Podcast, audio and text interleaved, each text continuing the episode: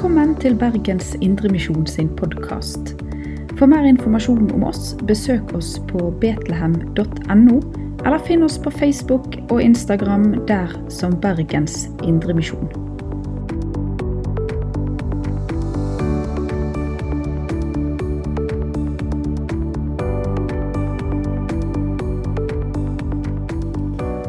God søndag, alle sammen. Nåde være med deg og fred fra Gud vår Far og Herren Jesus Kristus. Vi er kommet til tredje søndag i åpenbaringstiden. Og dagens evangelie finner vi hos evangelisten Johannes i det første kapittel. Der står det skrevet Johannes vitner om ham og roper ut Det var om ham jeg sa, Han som kommer etter meg, er kommet før meg, for han var til før meg. Av hans fylde har vi alle fått nåde over nåde. For loven ble gitt ved Moses, nåden og sannheten kom ved Jesus Kristus. Ingen har noen gang sett Gud, men den enbårne som er Gud, og som er i Fars favn, han har vist oss hvem han er. Slik lyder Guds ord. La oss be. Hellige himmelske Far, hellig oss i sannheten. Ditt ord er sannhet. Amen.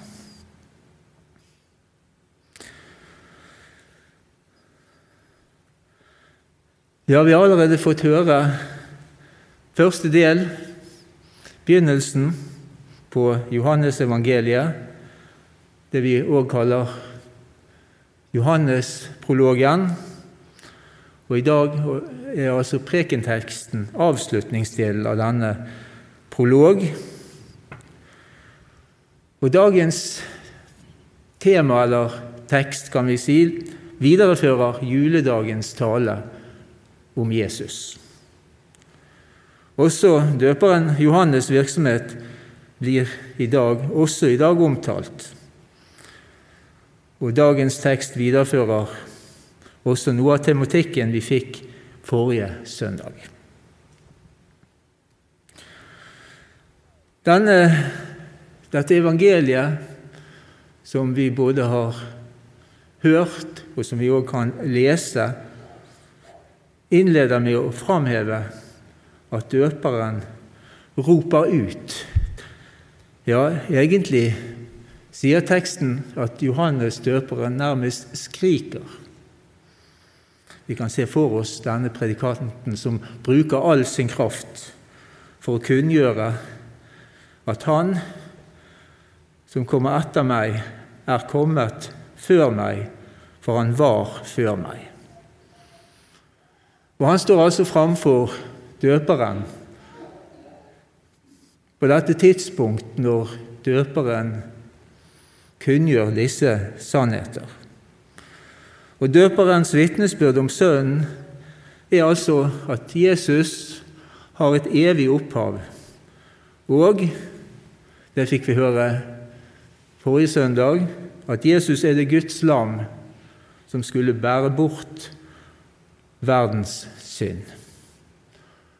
Og han var ikke bare framfor døperen Johannes, men Jesus står på et vis også framfor oss i dag og vil gjerne kunngjøre for oss også denne sannhet. Men det er også en annen sannhet, eller en større sannhet, eller noe mer, kunne vi sagt, som skal kunngjøres oss i dag. Og det er en annen, Johannes, også han et øyenvitne, som òg taler til oss gjennom dagens tekst. Apostel Johannes, som var et vitne til hele Jesu liv og tjeneste. Selv om Johannes på mange måter er anonym, så er det hans vitnesbyrd som på mange måter bringer fram Og det er ikke uten grunn at vi kaller dette evangeliet etter, etter eller ifølge Johannes, altså apostelen. Han var altså et vitne for all tid om hele Jesu liv og tjeneste. Han er et tidløst vitne for generasjon etter generasjon. Et vitne som også har noe viktig å si oss i dag. Og denne apostel sier om Sønnen av hans fylde har vi alle fått nåde over nåde. Her vil jeg først stoppe opp ved ordet fylde. Det er et ord som nærmest roper på forklaring. Fylde av hva for noe? Hvilken fylde er det snakk om? Foruten at denne fylden handler om Jesus om nåde, så vil jeg allerede her vise til en salme som i alle fall favner videre, vi bruker flere ord. Og Det er den salmen som vi skal synge etter preken i dag. Salmen 'Jesus det eneste', som i det første verset beskriver denne fylden rikt og fint, der det sies fylde av herlighet, fylde av kjærlighet, fylde av nåde og sannhet og makt. Det er altså en fylde av noe som kan settes ord på, som handler om Jesus, men som også gir del i noe mer, noe viktig noe rikt og noe flott. I dagens tekst er det fyldig betydningen nåde som først og fremst nevnes.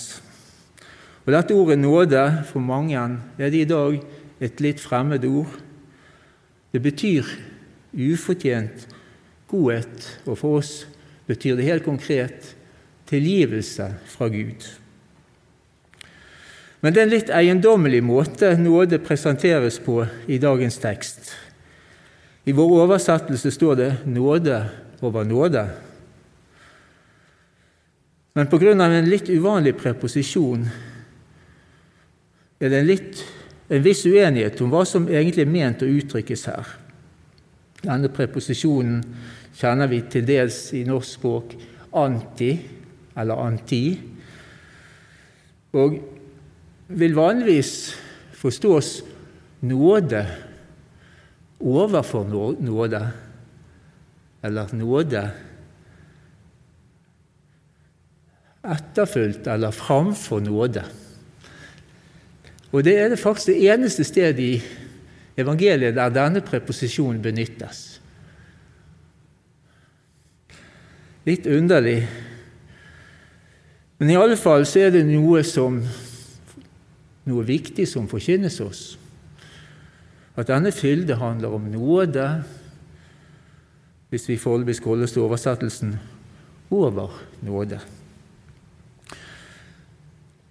Vanligvis så er det blitt forstått eller gitt to alternativer. Slik tenker man om hva dette vil uttrykke.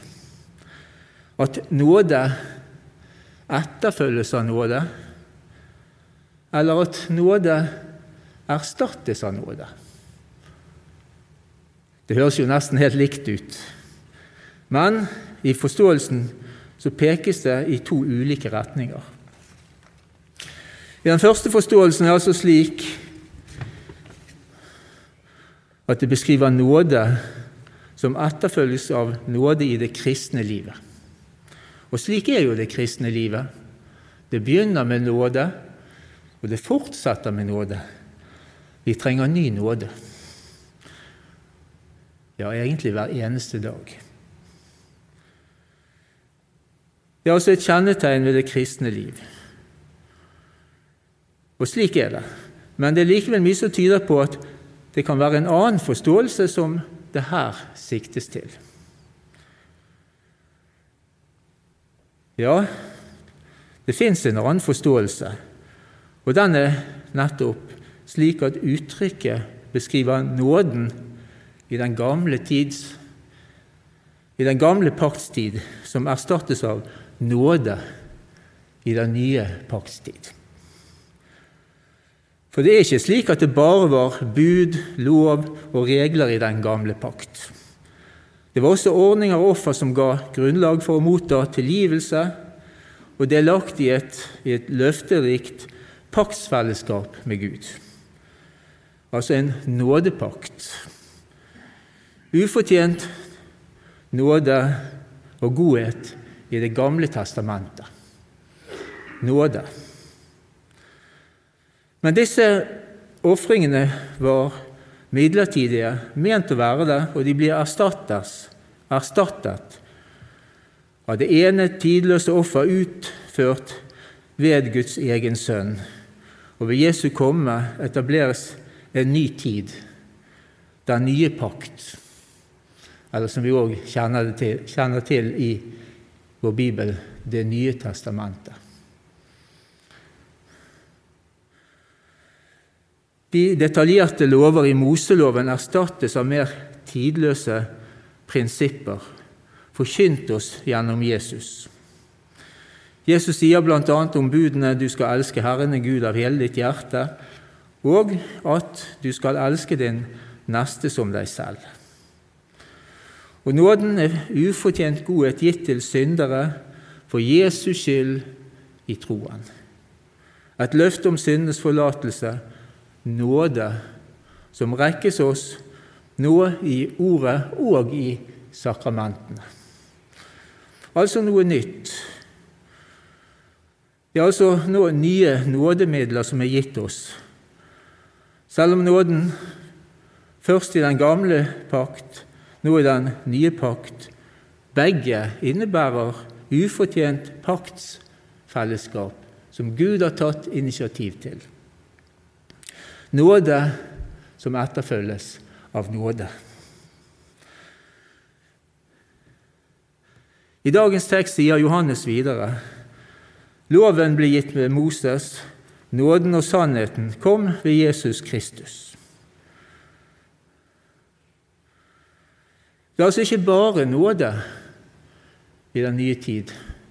Nåden og sannheten kom med Jesus Kristus. Og til den samaritanske kvinnen leser vi at Jesus sier den tid er nå da de sanne troende skal tilbe Faderen i ånd og sannhet. Sannhet er et viktig begrep. Sannhet er en viktig Vi kunne sagt sannhet, men da på en måte er det litt smør på flask. I alle fall så er det slik at det er noe viktig som vi trenger å ta med oss for å forstå dette, tenker jeg. Fordi det som skjedde ved Adam, og vi kan legge til Evas fall, påvirker mennesker til alle tider. Fortsatt er syndefallet en virkelighet som påvirker oss alle mennesker, hele menneskeslekten. Vi må også tale om synden hvis vi skal tale og forstå nåden rett. Ifølge vår bekjennelse, det vi kaller confessio augustana, den augsburgske bekjennelse artikkel 2, som omhandler synden, står det at vi fødes uten frykt for Gud, uten tillit til Gud og med begjær et syndig begjær. Slik er altså utgangspunktet for mennesker til alle tider etter syndefallet. At vi fødes uten den rette forståelse av både Gud og livet. Iallfall ikke fullkomment, slik det en gang var før fallet skjedde. Det er på mange måter noe som er blitt fremmed for oss. Gud er blitt fremmed vi mangler Guds frykt, tillit til Gud, og vi tar med oss på mange måter det vi kan med et annet ord beskrive som lyst til det som ikke er vårt. Og For å få et rett forhold til Gud og et sant forhold til livet må vi fødes på ny ved vann og ånd. og slik få del i tilgivelsens og det nye livets gave. Først når sannheten får frigjøre oss, blir vi virkelig fri. Men selv der denne frihet rår, sier Paulus at ånden og kjødet, det gamle og det nye, står hverandre imot. Vi er samtidig rettferdig og synder. Simul justus et picator er et uttrykk for dette. Et latinsk uttrykk som du kanskje har hørt. Det er ikke det viktigste. Det viktigste å vite er at synden er en fortsatt virkelighet hos et kristent menneske. Som vi ikke skal ta lett på, mens vi skal ta inn over oss. Og som vi Guds hjelp må både avsløre og prøve å leve med, slik at ikke det gamle overtar, men det nye får råde å være det ledende og styrende og det største og viktigste. Jeg vil eksemplifisere dette litt ved å se på det som omtales i det niende og tiende bud. For Der tales loven til oss fortsatt. Du skal ikke begjære din nestes eiendom. Og du skal ikke begjære din nestes ektemake, arbeidsfolk eller noe som hører din neste til. Begjær etter det som ikke er vårt, kan gi seg ulike utslag. Det å alltid ønske noe mer av det vi har, større og finere hus eller hytte, men som vi egentlig ikke har råd til. Eller en finere bil, iallfall litt finere, litt finere enn naboens, helst. Dette begjæret etter noe mer. Mer enn det vi egentlig har fått. Noe mer som vi egentlig ikke har råd til. Eller et ønske og begjær etter en annen ektefelle eller etter en annens ektefelle, istedenfor takknemlighet for det en har, som burde være det enerådende. Så råder altså synden og misunnelsen, med igjen forakt for det en har fått, som altså er uttrykk for et syndig begjær, som jeg tror de fleste som er ærlige, i alle fall har kjent litt på. Men det er altså en forskjell mellom å erkjenne og la synden virkelig utfolde seg i det vide og i det brede.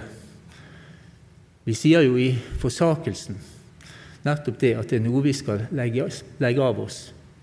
Det er noe vi skal erkjenne. Og det er viktig og helt nødvendig.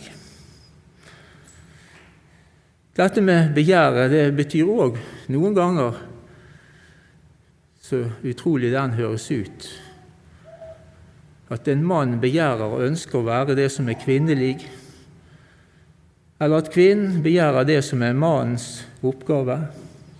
I stedet å være tro i og mot det kall en er gitt. Også dette rammes av budet. Og slik er synden. Man er ikke fornøyd med det en er, og det en har fått. Og Dette syndige begjæret det fremmes i vår tid noen ganger aktivt gjennom det vi møter gjennom media, og det sementeres i vår tids radikale likestillingsideologi og i de likekjønnede ekteskap. Kort om det siste. Man kan jo være like god selv om man er av det annet kjønn. Men det er noe som er gitt oss av Gud. Det er noe som er naturlig. Og det er noe vi er kalt til å virke i og erkjenne som sant og rett og godt. Når budet om ikke å begjære det som ikke er ditt, ikke anerkjennes, så får ikke sannheten lyde. Og Da er det egentlig en konsekvens av det at også Gud foraktes, og at Gud verken fryktes eller elskes, slik det første bud forkynner oss, og som sier 'du skal ikke ha andre guder enn meg'. Men den ene sanne Gud har åpenbart seg i kjøtt og blod, i Jesus Kristus.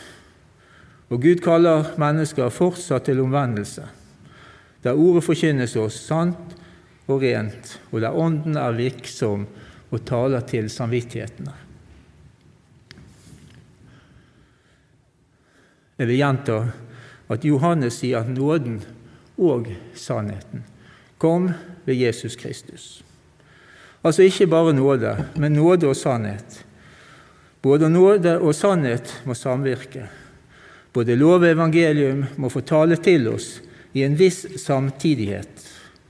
Ordets lys må få lyse for oss til sannhetserkjennelse. Der man forakter Guds sannhetsåpenbaring i Jesus Kristus, der gjør man seg sjøl til Gud og den sanne Gud til en løgner. Og denne Guds sannhet er ikke noe annet, noe annet bak sannhetsåpenbaringen i Kristus. Ikke noe annet enn det den apostoliske forkynnelse inneholder. Vi har allerede fått del i denne sannhet. Men det fins alltid forestillinger der denne sannhet ikke er nok, der det egentlig handler om noe bak. En form for skjult kunnskap. Dette kaller vi tradisjonelt for et avvik, gnostisisme. Kanskje du har hørt dette. Det forakter åpenbaringen, sannhetsåpenbaringen om skaperverket. Og egentlig den sannhet Gud har gitt oss gjennom skaperverket. Gjennom Jesus Kristus, Guds sønn, som kom i kjøtt og blod som en av oss. Også for å forkynne sannheten, men ikke minst for sannheten om at vi trenger en nådig Gud som kan tilgi synd også i dag. Vi har fått alt vi trenger for å ha med Gud å gjøre og for å virke livet i Kristus. Og vi blir bevart i den, denne sannhet gjennom den apostoliske tro. Guds frelse er kommet oss nær i ord og sakrament. Og dette ordet må ikke hentes ned fra himmelen eller opp fra avgrunnen. Ordet er oss nær, leser vi, i vår munn og i vårt hjerte det er troens ord vi forkynner. Slik talte Paulus, og slik er det fortsatt i dag. Gud er kommet oss nær. Guds sannhet er blitt åpenbar. Likevel, i avslutningen av prologen tales det om at ingen har noen gang sett Gud. Men dette sier oss at Gud fortsatt i alle fall til en viss grad er skjult for oss, men like fullt så har Han gitt oss det vi trenger. Den enbårne, altså Sønnen, som er Gud, har vist oss hvem Gud er. Vi har fått det vi trenger. Jesus har vist oss Gud. Du er ikke alene. Det er altså en Gud som står bak og som vil også deg vel gjennom Sønnen. Ja, Sønnen er ingen hvem som helst, en parentes i historien. Denne sannhet vi forkynnes i dette siste verset, det at Sønnen er Gud. Denne sannhet kjenner vi òg fra andre skrifter i Bibelen, både hos Paulus, men vil også vise til at Johannesbrevene taler tydelig om dette. Disse brevene, som vi òg har tradisjonelt forstått fra Johannes, oppfordrer oss til å bli i den apostoliske lære gitt oss gjennom Jesus. For denne lære gir oss delaktighet i frelse. Denne lære gir oss del i sannheten om mennesket og sannheten om Gud. Og Fra det første Johannesbrev leser vi Sier vi at vi ikke har synd, da bedrar vi oss selv, og sannheten er ikke i oss. Men dersom vi bekjenner våre synder, er Han trofast og rettferdig, så Han tilgir oss syndene og renser oss fra all urett. Jesus er en soning for alle våre synder. Selv om du kjenner på synden, men når han er erkjent og bekjent, så er det noe som heter tilgivelse, som vi trenger alle, og som vi får alle. Guds tilgivelse for alle våre synder i Jesus Kristus. Slik er evangeliet. I det første Johannesbrev så er det en avslutning som minner litt om den avslutning vi har i prologen. Vi er den sanne, vi som er i Hans Sønn Jesus Kristus. Han er den sanne Gud og det evige liv. Men dette brevet advarer oss vokt dere for avgudene. Og vi kunne lagt til den som står, se til at han eller hun ikke snubler. Men Herren har lovet å bevare sine ved det ord som kaller, frelser og bevarer. Og Jesus selv sier, 'Ingen skal rive dem ut av min hånd'. Ære være Faderen og Sønnen og Den hellige ånd, som var og er og være skal, en sann Gud, fra evighet og til evighet. Amen. Du har lytta til Bergens Indremisjon sin podkast. For mer informasjon om oss, besøk oss på betlehem.no, eller finn oss på Facebook og Instagram der som Bergens Indremisjon.